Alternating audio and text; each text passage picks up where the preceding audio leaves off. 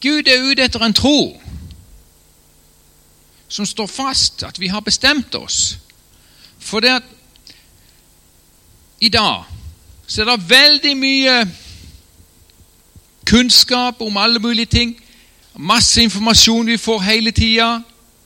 Og, og, det er ikke alt vi forstår, og vi har ikke mulighet til å forsvare oss på et åndelig, sånn vitenskapelig perspektiv ut fra Bibelen. Vi kommer til kort. Hvis ikke du er kommet til kort i diskusjon med ikke-kristne, så har du diskutert for lite med dem. Men det er ikke noe mål å diskutere med dem. Men, men Gud spør bare Tror du på meg hvis det er noe du ikke forstår?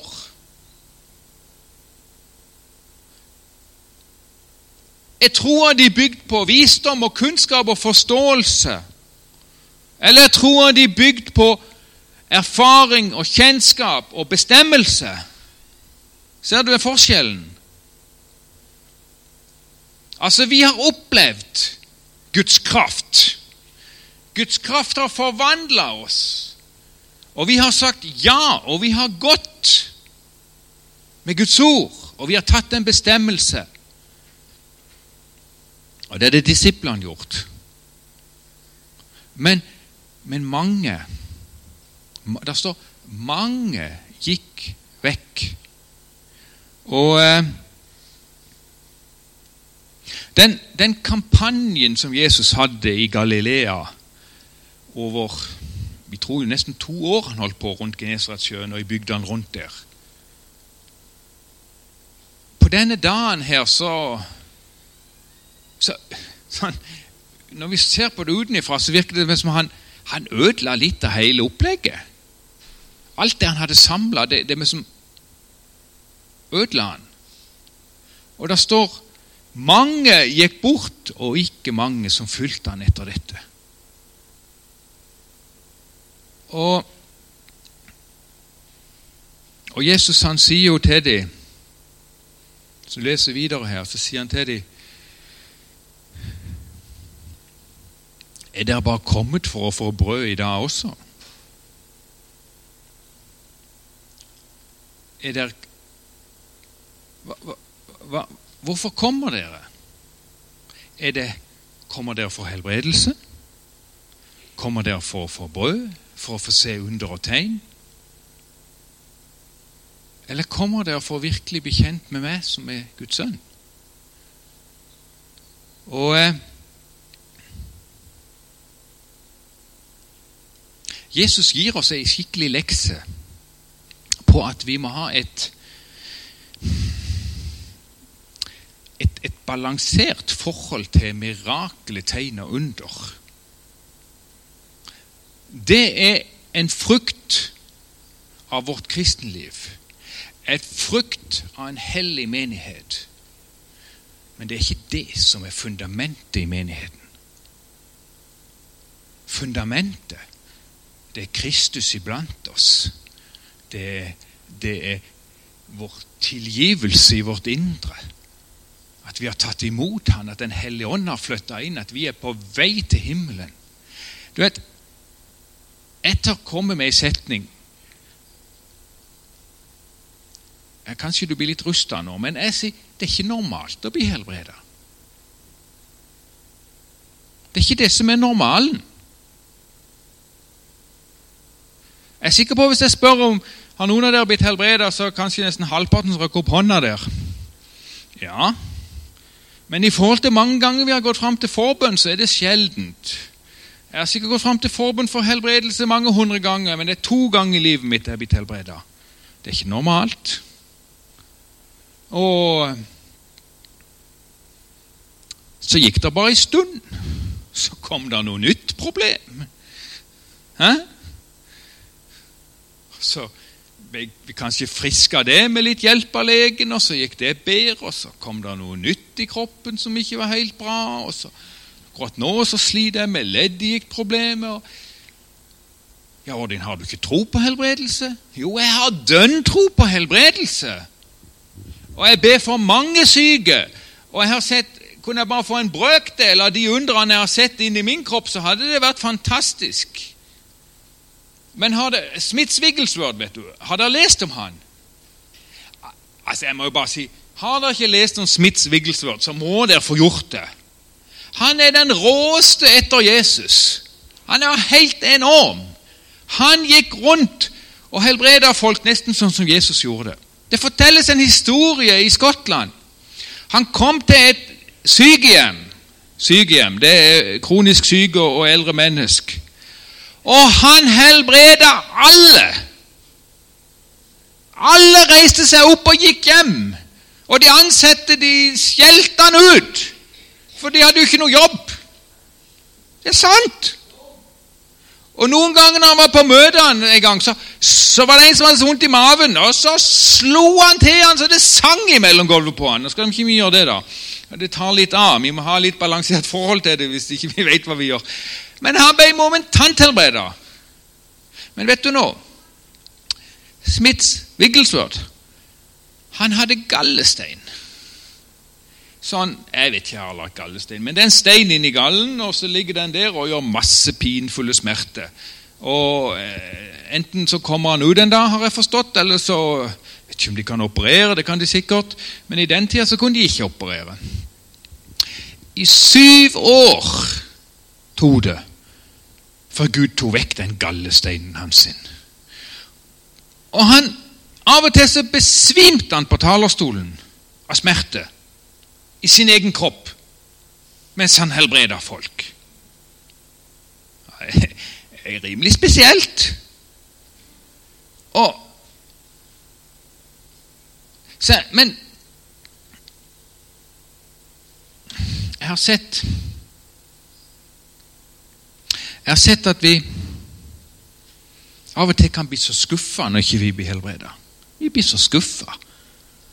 Ja, jeg blir også skuffa over det, men det er feil. Nå lærte vi av Steinar Slåtten at helbredelse det var en gave fra Gud. En gave. Og, og vi vet at at denne jorda, den, den ble litt dårlig kvalitet på den etter syndefallet. Eh, den, vi, vi kom inn i forbannelsen. Og vi lever i en jord som er forbanna. Og vi har fått et, en kropp som er forgjengelig, altså som brytes ned gradvis. Og når vi begynner opp mot 100, så kan vi ikke mer. Og, eh,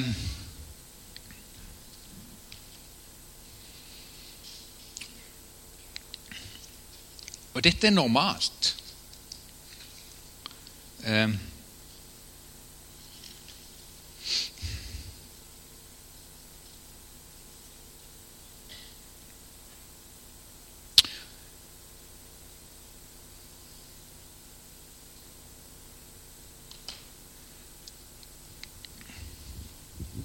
Hva?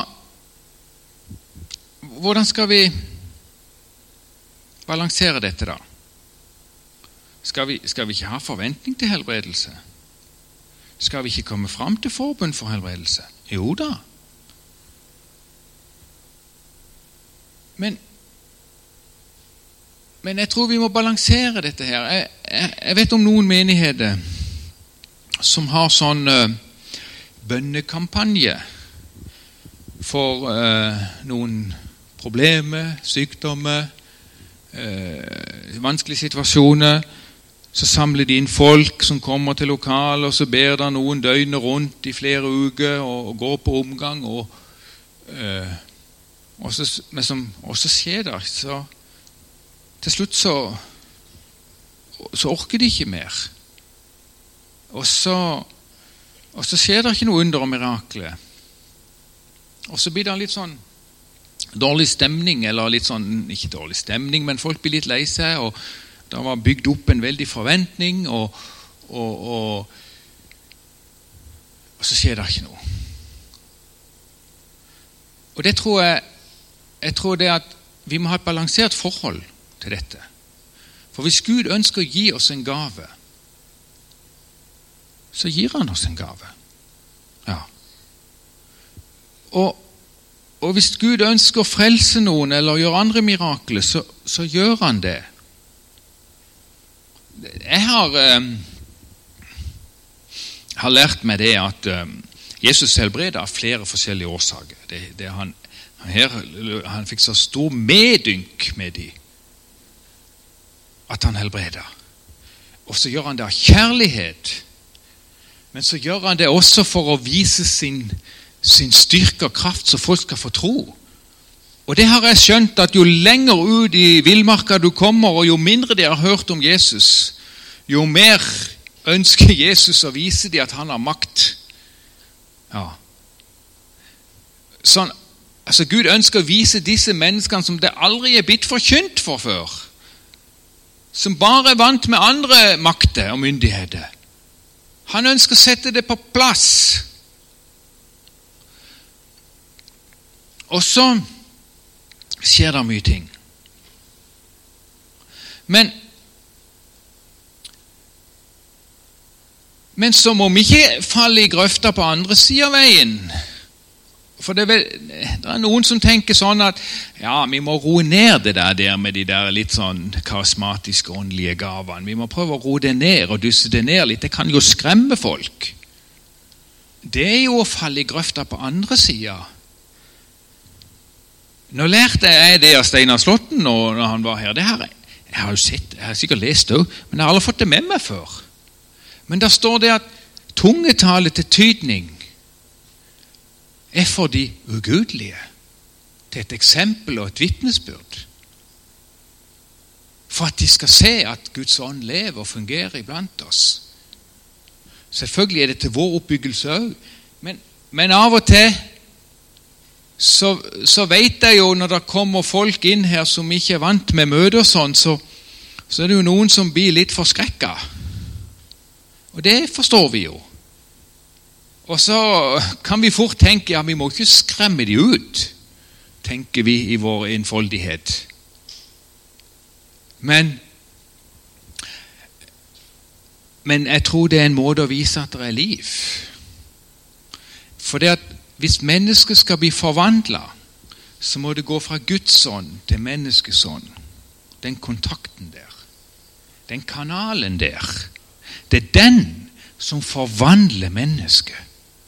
Det er den som gjør at folk blir frelst. Og frelse er jo det største underet som fins. Har du tenkt på det? det, det og det er det eneste underet som skjer hver gang hvis folk vil. Det er fantastisk. Det er bønnesvar hver gang. For vet du noe? Når ånd søker ånd, og den himmelske kraften får tak i livene våre, så blir vi forvandla. Så går du ut av lokalet etter et møte, og så har du skifta mening. Når du treffer noen andre og begynner å samtale og snakke, så bruker du andre argumenter. Du sto på den sida av diskusjonen dagen før, og så plutselig står du på den sida nå. Det er jo nesten som Kristelig Folkeparti. For det at Gud har planta inn sin kassett i vår hjerne, sin disk, sin CD. Du blir omprogrammert. Det er et mirakel. Og du ser verden med andre øyne. Eh.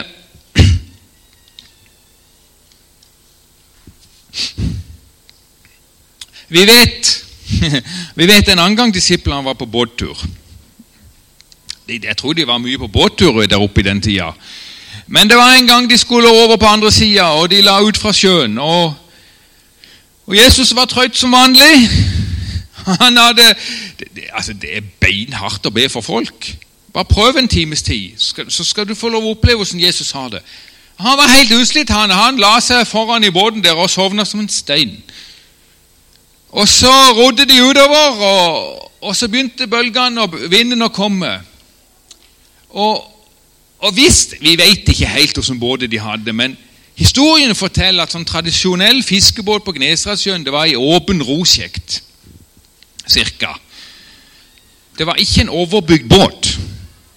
Det kan det ha vært, men det, det er ikke det vi tror. Og så Iallfall så ble sjøen så stor at bølgene begynte å slå inn i båten. Og når jeg er på sjøen, så spruter de over båten lenge før bølgene slår inn i båten. Er det ikke sånn, Ruth? Jo. Og du får en sjøsprøyt så det susetter. Men det går greit, det kommer ikke så mye vann inn i båten for det. Nei. Men når bølgene slår inn i båten, da er det så mye vann at det begynner å følges opp. Og i Rosjekt, som har fått sjøsprøyten innover båten flere ganger Jeg vet ikke, Når noen besvimer, så skal du tømme vann på dem, for da våkner de ikke vel? Jesus han våkna ikke av vann, han. Og ikke, ikke når det fløyt i bunnen av båten heller, så våkna ikke han. Du, jeg, har vanskelig for å tro at han sov. Jeg sliter med å tro det. For det, det, det, det er ikke menneskelig naturlig å, å kunne sove i de omstendighetene. Og det å ligge på de der teljene i bunnen der når båten hopper og slår og hopper og slår, det er heller ikke naturlig. Jeg tror han tenkte og smilte med seg sjøl. Nå skal vi se hvor lenge de har tro, disse karene her, når de ror og peiser her i motvind. Nå skal vi se og, om de tåler litt motgang her uten å, å bli redde. Jesus han hadde undervisning med dem. Og når de endelig ikke greide mer Det var erfarne sjøfolk. De hadde rodd over det hele sitt liv. Og de var redd for å gå ned. Så det var, det var rimelig ille. Båten ble full av vann, og de var redd for å gå ned. De hadde jo ikke svømmevest i den tida. Og så måtte de vekke Jesus. Så står Jesus opp med sånn Åh, er det noe på gang her? Ja, det, med sånn og, og, så, og, så, står det bare Han rekte hånda ut og stilna sjøen. Og så sier han Hvor er deres tro? Hvor er deres tro? Jesus hadde bare en undervisningstime til han i det virkelige liv. Så når det stormer, og når det er problemer, så ønsker Gud å se hva vi er bygd av.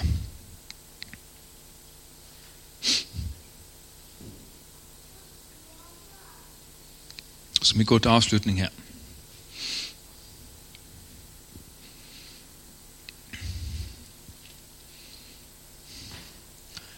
Gud sier at hvis vi legger vår liv i Hans hender, så har vi ikke noe å frykte.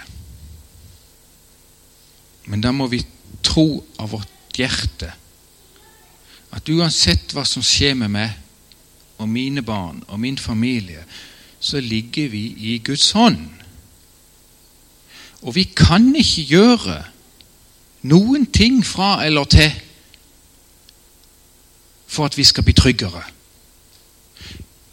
Vi har ingen kontroll på livet vårt. Verken økonomi. Vi, vi, kjøper jo så mange dumme ting av og til som går i stykker to dager etterpå. Eller det virker ikke engang når de kommer i posten. Vi har ikke peiling på hvordan vi skal bruke pengene riktig. Vi kjøper dumme ting, for vi vet ikke bedre. Og så er vi heldige noen ganger og uheldige noen ganger.